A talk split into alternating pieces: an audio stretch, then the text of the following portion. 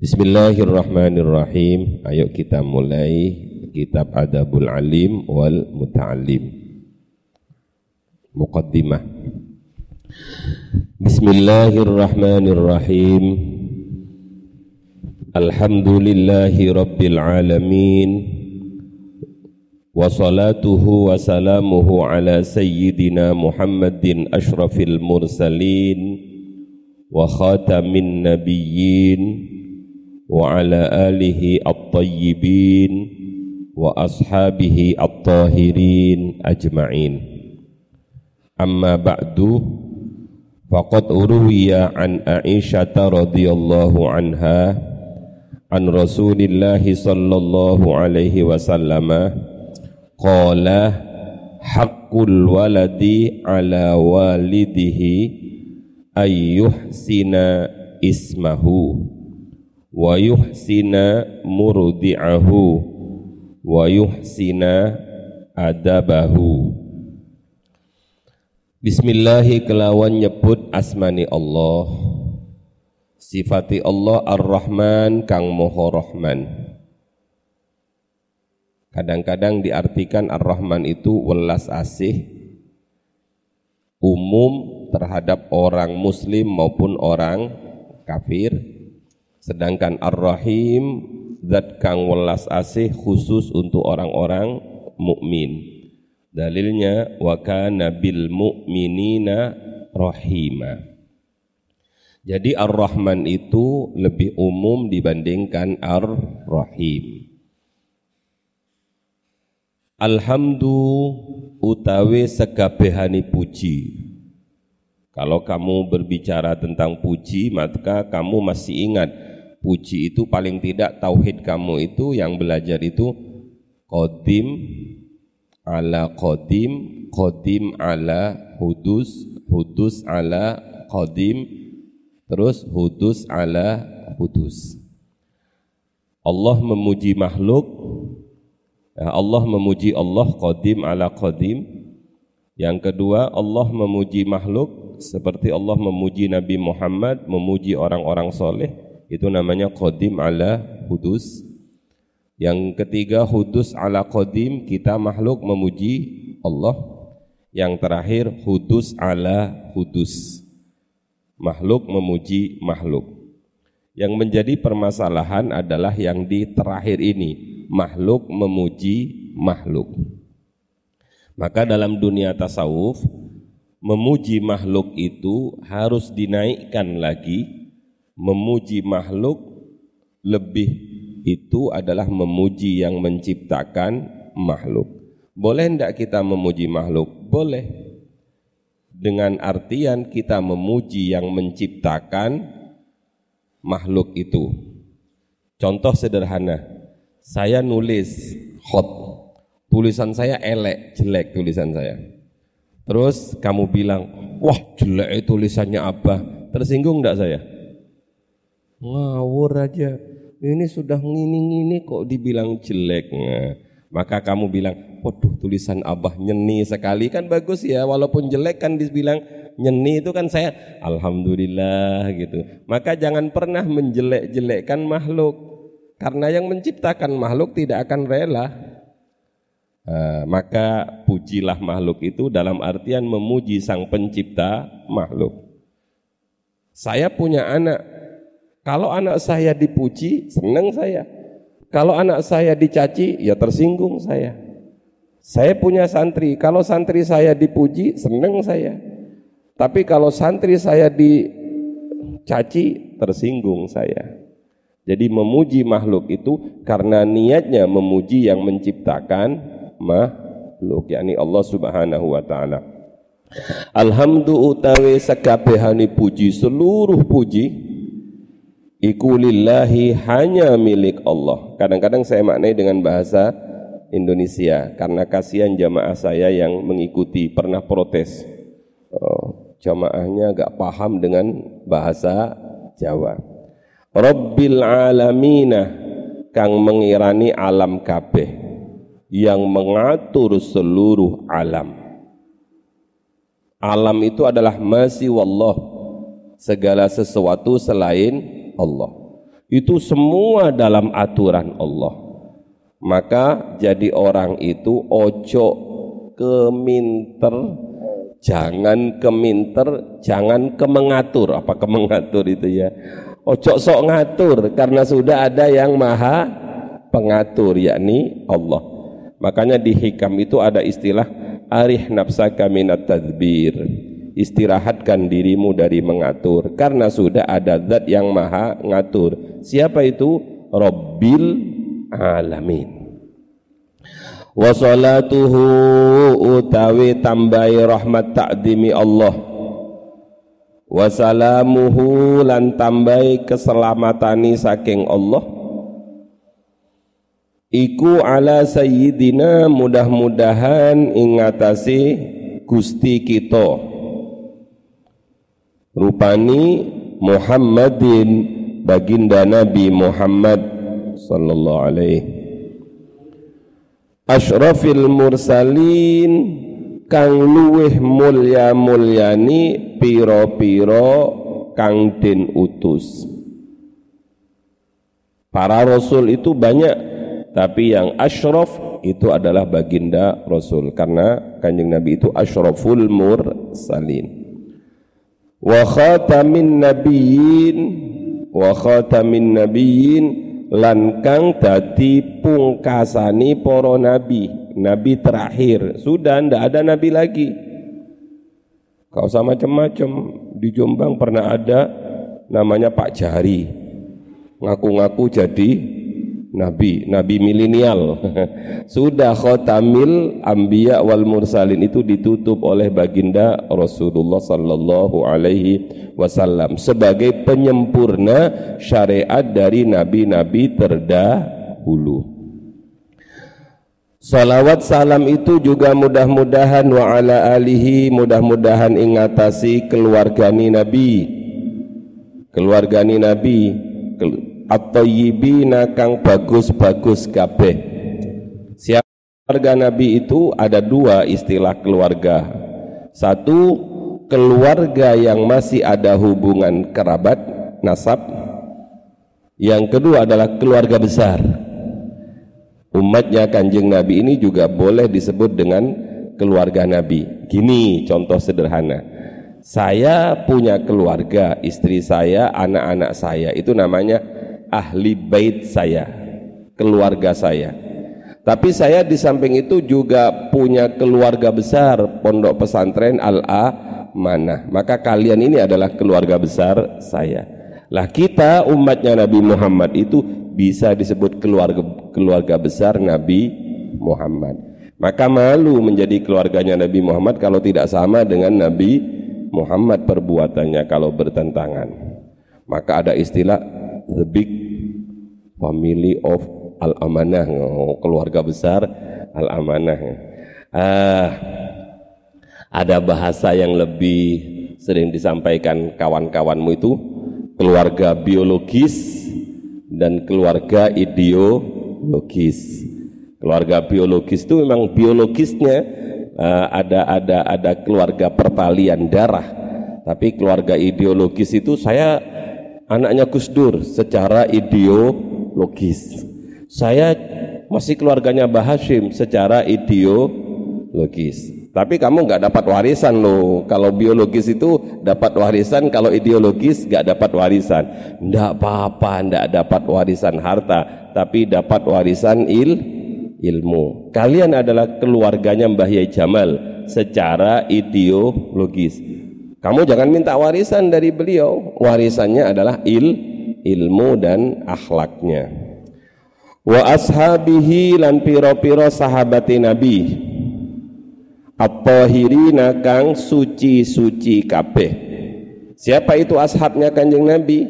Maka ada istilah yang disebut sahabat itu adalah orang yang pernah orang yang pernah hidup bertemu dengan baginda Nabi atau sekurun dengan baginda Nabi catatannya dia sekalipun bertemu sekali saja dengan kanjeng Nabi tapi kalau dia iman kepada kanjeng Nabi maka dia adalah sahabat Nabi. Sekalipun setiap hari kumpul dengan kanjeng Nabi tapi kalau selama hidupnya dia tidak beriman kepada kanjeng Nabi sampai mati maka dia tidak bisa mendapatkan gelar sahabat kanjeng Nabi ya orang-orang kafir kafir-kafir Quraisy itu yang setiap hari memusuhi kanjeng Nabi itu tidak bisa diistilahkan sahabat Nabi Ya sahabat itu adalah orang yang pernah bertemu dengan kanjeng Nabi dan percaya mengimani kanjeng Nabi. Ajma'ina hale sekabehani amma ba'du. Faqad ruwiya mongko teman-teman din riwayatake. Sungguh telah betul-betul diriwayatkan an Aisyah saking ibunda Aisyah salah satu ummahatil mukminin. Aisyah ini luar biasa mulianya. Kenapa? Karena Sayyidatina Aisyah ini adalah istri baginda Rasul, putri dari Sayyidina Abu Bakar. Sangat amat mulia. Berapa banyak hadis-hadis yang diriwayatkan oleh Sayyidatina Aisyah karena beliau memang adalah ahli ilmu. An Aisyah radhiyallahu anha saking ibunda Aisyah radhiyallahu anha. An Rasulillah kayaknya besok biar biar gak ada perbedaan antara kita ada kopi ya. Hmm, ada kopi kalian. Maaf hari ini saya saja yang ngopiin. An Rasulillah saking Rasulillah sallallahu alaihi wasallam. Qala bersabda sopo kanjeng Nabi isi sabdanya kanjeng Nabi hakul waladi ala walidihi. Ingat wawu pertama tidak ada alifnya wawu kedua ada alifnya. Jangan salah dalam walad dan walid. Kalau walid itu orang tua kalau walad itu anak. Malu dari pesantren nggak bisa membedakan antara walad dengan walid. Yang mulia orang tua saya walada saya oh jangan walid hakul waladi utawi hake anak ala walidihi ingatasi wong tuani walad. Iku ayyuhsinah yen to bagusake sapa walid ya walid. Eh ya walid ismahu ing namanya. Ismahu ing namani walad. Wa yuhsina wa ayyuhsina itu wa yuh, jangan wa yuhsinu tapi wa yuhsina. Wa ayyuhsina lan yen to bagusake sapa walid murdi'ahu ing wadon kang nyusoni walad. Perempuan yang menyusui walad. Kedua dikasih nomor. Ketiga wa yuhsina lan bagusi sapa walid. Adabahu ing totok kromoni walad adabahu ing totok kromoni walad atau adab akhlaknya walad. Cukup dulu. Ayo kita bahas. Hadis yang pertama yang ditulis oleh Mbah Yai Hashim Ash'ari dalam kitab Adabul Alim wal Muta'alim ini mengambil hadis dari ibunda Sayyidatina Aisyah radhiyallahu anha. Ibunda Aisyah radhiyallahu anha itu mendapatkan hadis ini dari Kanjeng Nabi langsung. Kanjeng Nabi pernah dawuh, pernah bersabda, Hakul waladi ala walidihi. Hak seorang anak dari orang tuanya pakai istilah hak dan kewajiban. Jadi kalau hak anak yang harus dia terima dari orang tuanya, berarti kalau bahasa sampean kewajiban orang tua terhadap anak. Jadi haknya kalian sebagai anak dari orang tua kalian tiga. Maka hak ini boleh kalian minta. Karena ini adalah hak kalian dan orang tua wajib memberikan tiga hal ini kepada anaknya melebihi kewajiban-kewajiban yang lain. Kalau tidak diberikan itu namanya dia ngambil haknya anak, tidak memberikan haknya anak. Ingat, hari ini kalian sebagai anak, tapi berapa tahun lagi ya kira-kira ya? Cak Burhan kira-kira berapa tahun lagi Cak Burhan? Kata Cak Yudi, saya dulu bah. Iya yes. Cak Yudi kira-kira berapa tahun lagi menjadi orang tua? Terserah Allah bah. Besok pun sampun siap. Hari ini kalian masih menuntut hak dari orang tua, tapi sebentar lagi berjalannya waktu kalian menjadi orang tua. Jadi ingat, hak seorang anak dari orang tua itu ada tiga dalam hadis ini. Yang pertama, ayuh sina ismahu, memperbaiki, memberikan nama yang indah, nama yang baik ini bukan hal yang remeh. Pertama ini justru. Kenapa pertama? Ya karena nama itu adalah doa yang setiap hari dipanggil.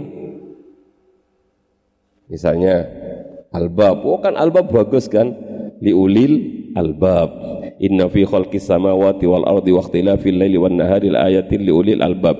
Karena waktu itu saya yang urun nama. Ulul albab. Setiap dipanggil albab langsung ke Quran. Husain. Nah, namanya bagus-bagus. Coba namanya Cuilantai gua ya namanya. Siapa namamu? Kenalkan nama saya Cuilantai apa Cuilantai itu awas lo hati-hati memberi nama yang bagus sebab nama itu adalah do doa. Setiap orang tuamu manggil kamu Muhammad, harapannya dia menjadi orang yang terpuji. Ahmad, mudah-mudahan dia menjadi orang yang terpuji. Yang terpuji di dunia, yang terpuji di akhirat, yang dipuji di bumi dan juga dipuji di akhirat. Maka dianjurkan nama untuk laki-laki itu adalah kalau enggak Muhammad, Ahmad atau Abdun yang digabung dengan Asmaul Husna. Gak usah kakian goyo, gak, usah kakian gaya. Namanya, wah menghabiskan KTP itu panjang sekali, tapi nggak ada artinya sama sekali. Ya sudah ya, nggak usah diperpanjang. Kalau memberi nama, berilah nama yang terbaik. Coba lihat Mbah Yai Mbah Yai kita. Contoh penulis kitab ini Mbah Hashim Ash'ari. Punya anak namanya Mbah Abdul Karim Hashim Bah Abdul Khalik Hashim Bah Yusuf Hashim Bah Khadijah Bah Nyai Khadijah Hasim Bah Nyai uh, Bah Bah siapa ya Bah Abdul Khalik Hasim Bah Abdul Karim Hasim uh, semuanya nama-namanya adalah bagus Bah Wahab nama anaknya bagus bagus Bah Hasbullah punya anak Abdul Wahab yang sering kita yang sering kita tawasul itu. Mbah Yai Fatah, Mbah Yai kita saja, Mbah Yai Fatah. Nama anaknya bagus-bagus. Yang sederhana adalah panutan kita Mbah Yai Jamal. Nama anaknya bagus-bagus. Muhammad Idris, Ummi Salamah, terus Basiratul Hidayah, Latifah Hidayati, Zuhratul Makkiyah, Abdul Ghafar Razin. Semuanya namanya bagus, bagus. Dan ingat nama yang bagus itu nanti ketika di akhirat lebih dahulu panggilannya dibandingkan nama yang jelek. Nama yang tidak ada artinya. Coba bayangkan nanti di akhirat orang kan bahasa Arapan semua. Tiba-tiba ada bahasa iya. Ya sudah lah kata sampean, labah sudah ter, sudah terlanjur nama saya begini, diselamati, ayo diselamati, ditumpangi, diganti. Dulu pernah uh, di Tebuireng itu ada nama seorang santri namanya Zulmani. Zulmani. Apa Zulmani itu? Zulmani. Muncrato opo mani. Mungkin orang tuanya memberi nama bagus, tapi karena tukang tulis ijazahnya salah. Itu mungkin saja itu. Orang tuanya sudah bagus memberi nama, tapi yang nulis ijazah SD-nya salah. Akhirnya salah dan itu yang dipanggil oleh anak-anak. Begitu sampai di pondok oleh Mbah Yai langsung diganti namanya Zulmani. Wong kang duweni anu gerah. Penting nama ini karena nama adalah doa karena nama adalah doa.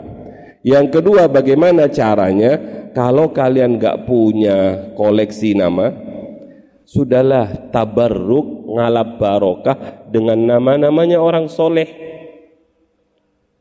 dengan nama-namanya para wali.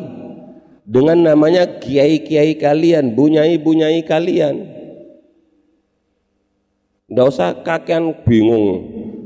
Ilalang yang bergoyang. Ah, apa gak usah. Tinggal nama kiai salian. Abdul Wahab Hashim. Silahkan Abdul Fatah silahkan. Kemudian dimodifikasi belakangnya pen ketok milenial nggak masalah. Tapi namanya tabarruk sebab begini anak-anak pernah ada satu kisah ada orang yang ditakdir sudah harus masuk neraka karena Allah mendapatkan permohonan dari baginda Nabi semua umatnya Nabi Muhammad itu kata kanjeng Nabi kulo boten tenang, kulo boten senang, kulo pingin semua umat kulo masuk surga. Tinggal orang satu yang belum masuk surga. Allah Maha tahu, tapi kemudian Allah berdialog dengan malaikat. Hei malaikat, tinggal satu itu yang belum dipindah ke surga, pindahan. Tapi sik sik tanya dulu Tanya dulu, dia namanya mirip enggak dengan eh, dia namanya mirip enggak dengan kiai? Pertama itu yang ditanyakan. Dia namanya mirip enggak dengan Nabi Muhammad? Dia namanya mirip enggak dengan poro kiai? Dia namanya mirip enggak dengan orang-orang soleh? Malaikat kemudian bilang, Wah, nu ya Allah, boten ya Allah.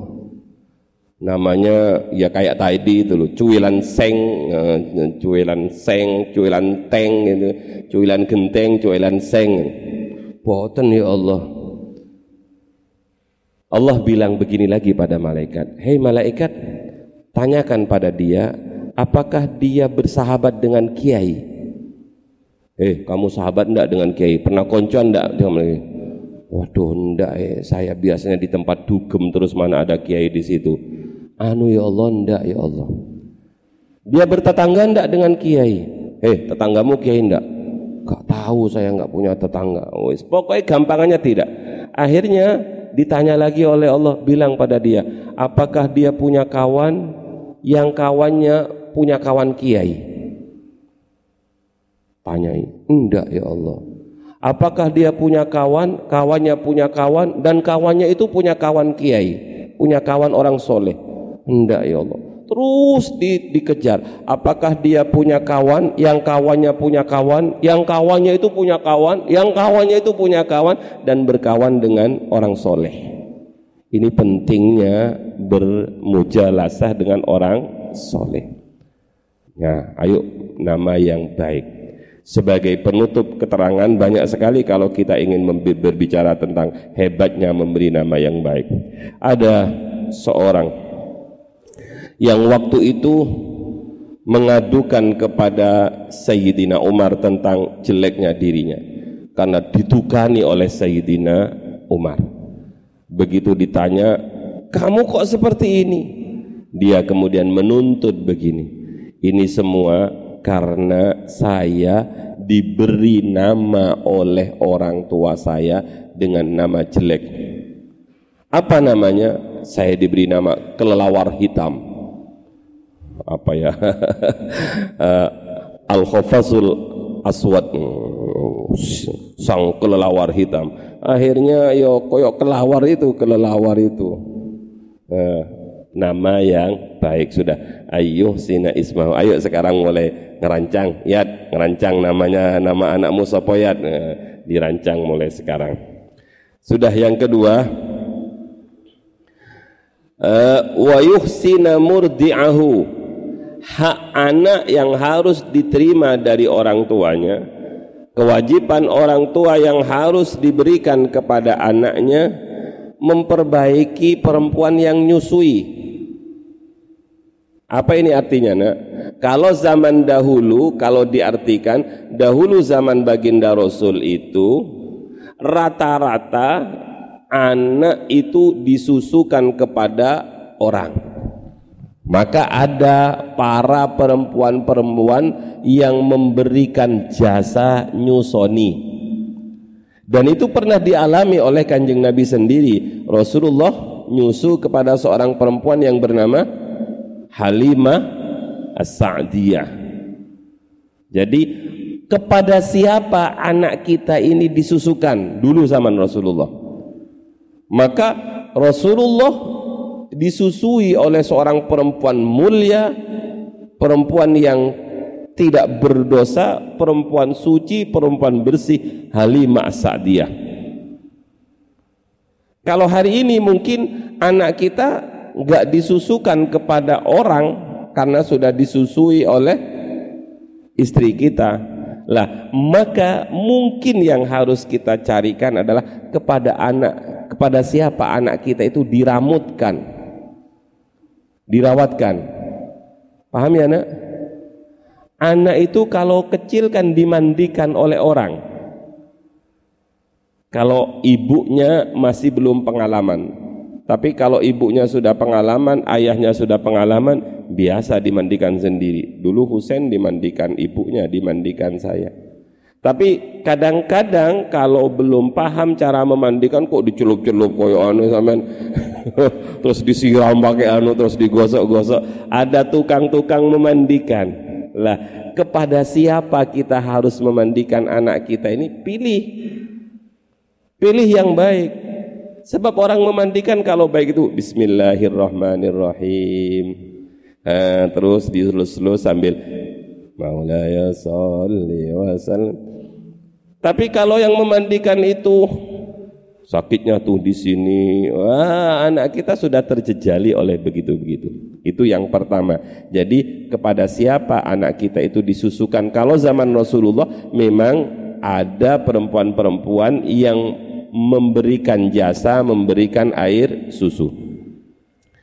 Terus yang kedua, makna yang paling penting ini adalah anak-anak kalian kalau belum punya istri seperti kalian begini ini, kalian harus mencari gimana ini? Mencari apa? Tukang susu anakmu yang bagus, yang solihah. Jadi pemilihan itu orang tua ini bapak ini Bapak itu harus memilih siapa nanti yang akan menyusui anaknya, artinya siapa istrinya. Pernah ada sebuah kejadian ada anak begitu dia akan dimasukkan ke dalam neraka dia protes. Dia protes kepada malaikat, "Ya malaikat, saya protes." Protes apa kata malaikat? Bilang malaikat matur, "Ya Allah, ini ada anak protes." Tanyakan apa yang mau diproteskan. Anu ya Allah katanya, saya menjadi jelek seperti ini sebab bapak saya mencarikan ibu untuk saya adalah ibu yang bukan ahli ibadah, ibu yang tidak solehah. Nah, di sinilah pentingnya kata baginda Rasul mencari calon ibunya anak-anak yang ba bagus.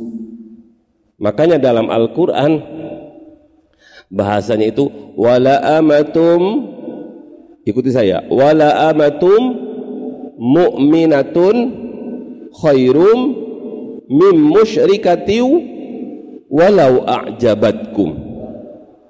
Wala amatun mu'minatun amat budak asalkan dia beriman sekalipun dia sauda gitu ya sauda itu hitam wes budak hitam tapi dia beriman khairun jauh lebih baik mim musyrikatin daripada perempuan-perempuan musyrik walau a'jabatkum. Apa artinya walau a'jabatkum? Sekalipun menggiurkan gitu. Sekalipun membuat kalian terpesona, maka agamalah yang menjadi patokan anak-anak ya. Agama yang menjadi patokan. Wes gak usah kesuwen kesuwen gak usah angel-angel. Sampai pas rasai sama abah.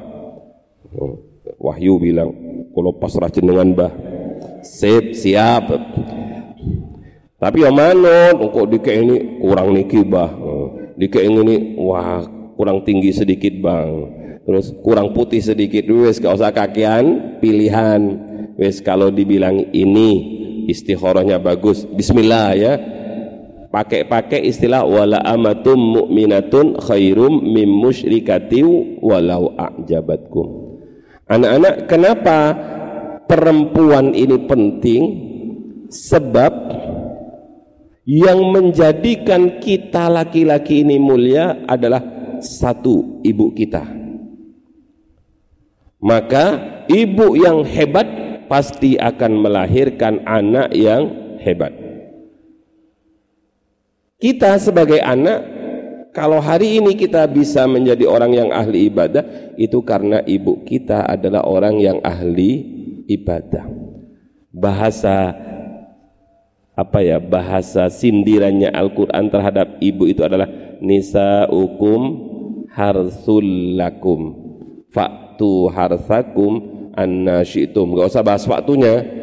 Uh, kalau bahas waktu harsakum anna syi'tum itu nanti nisa hukum harsul lakum. Istri kalian adalah ladang-ladang kalian tanah-tanah kalian. Kualitas pohon kualitas buah itu tergantung kualitas media tanam. Oh bahasanya orang perkebunan begini. Saya belajar nanam-nanam pohon itu kepada banyak orang wah Gus sing penting media tanamnya. Apa maksudnya media tanamnya? Uh, pot itu Gus diisi tanah-tanah yang subur kemudian dikasih pupuk kemudian tancapkan pohon ini pasti begini hasilnya. Berarti penting sing penting potnya apa? Tanahnya? Ya tanahnya. Makanya bahasa Al-Quran adalah nisa hukum harsul lakum. Kalau Gus Ali Tulangan itu dibalik laki-laki yang sukses tesis saya menunjukkan pasti ada dua wanita hebat di belakangnya satu ibunya yang kedua adalah istrinya Rasulullah sudah bilang begitu wa ayyuhsina murti'ahu sudah nak tentang tentang ibu Bismillah ayo Bismillahirrahmanirrahim Ikuti saya. Bismillahirrahmanirrahim. Ya Allah, saat niki kula di masjid niki nyuwun. Ibunya anak-anak yang bagus. Nah, ya sudah, mulai sekarang sudah dengan hak hadis ini ya Allah paringi santri-santri kula niki istri-istri yang bagus, istri-istri yang iya yang baik. Sebab istrimu yang baik akan melahirkan anakmu yang baik terus anak-anak bahasanya kok pakai murdiah pakai susu. Seakan-akan ini memberi pelajaran bagi kita bahwa makanan itu penting bagi perkembangan jiwa anak. Asupan itu sangat luar biasa dalam hal mempengaruhi fisik anak. Maka saya pernah nulis tentang air susu ini ketika saya nulis tafsir uh, haulaini kamilaini liman arada ayyutimmar radha'ah. Kualitas air susu itu sangat penting. Maka ada istilah apa ya? usia emas. usia emas itu usia anak-anak yang harus mendapatkan air susu dari seorang ibu. Dan itu tidak bisa tergantikan. Nggak bisa tergantikan air susu. Kualitas air susu dari wanita yang solihah. Sampai-sampai Ibu Nyai Jalil itu memberi nasihat kepada istri saya, saya sampaikan kepada kalian agar kalian juga ikut memperhatikan ketika istri kalian nyusoni nanti. Kalau mau nyusoni anak itu, katanya Mbah Nyai itu jangan ke susu kiri sebab rata-rata gampangnya kan ke susu kiri sebab posisi orang gendong itu kan begini kecuali dia kidal maka katanya Mbah Nyai itu tetekkan susukan anakmu yang bayi itu ke susu sebelah kanan. Sebagai permulaan habis itu pindah ke susu kiri. Uh, ini kalau nggak ngaji nggak ada pelajaran ini di dunia kedokteran ini. Ya harus ke kanan ibda'u biyaminik. Mulailah dari yang kanan dengan dalil inna sofa wal marwah jadi dari yang susu kanan dan lain sebagainya. Itu tentang pentingnya air susu. Lah, kalau wanita itu solihah, kalau wanita itu baik, tentu makanan yang dia makan adalah makanan yang halal. Dan ini juga peran dari seorang suami juga Suami yang hebat itu pasti dia akan memberikan makanan yang halal kepada istrinya. Jangan pernah memberikan makanan yang haram. Syubhat saja jangan.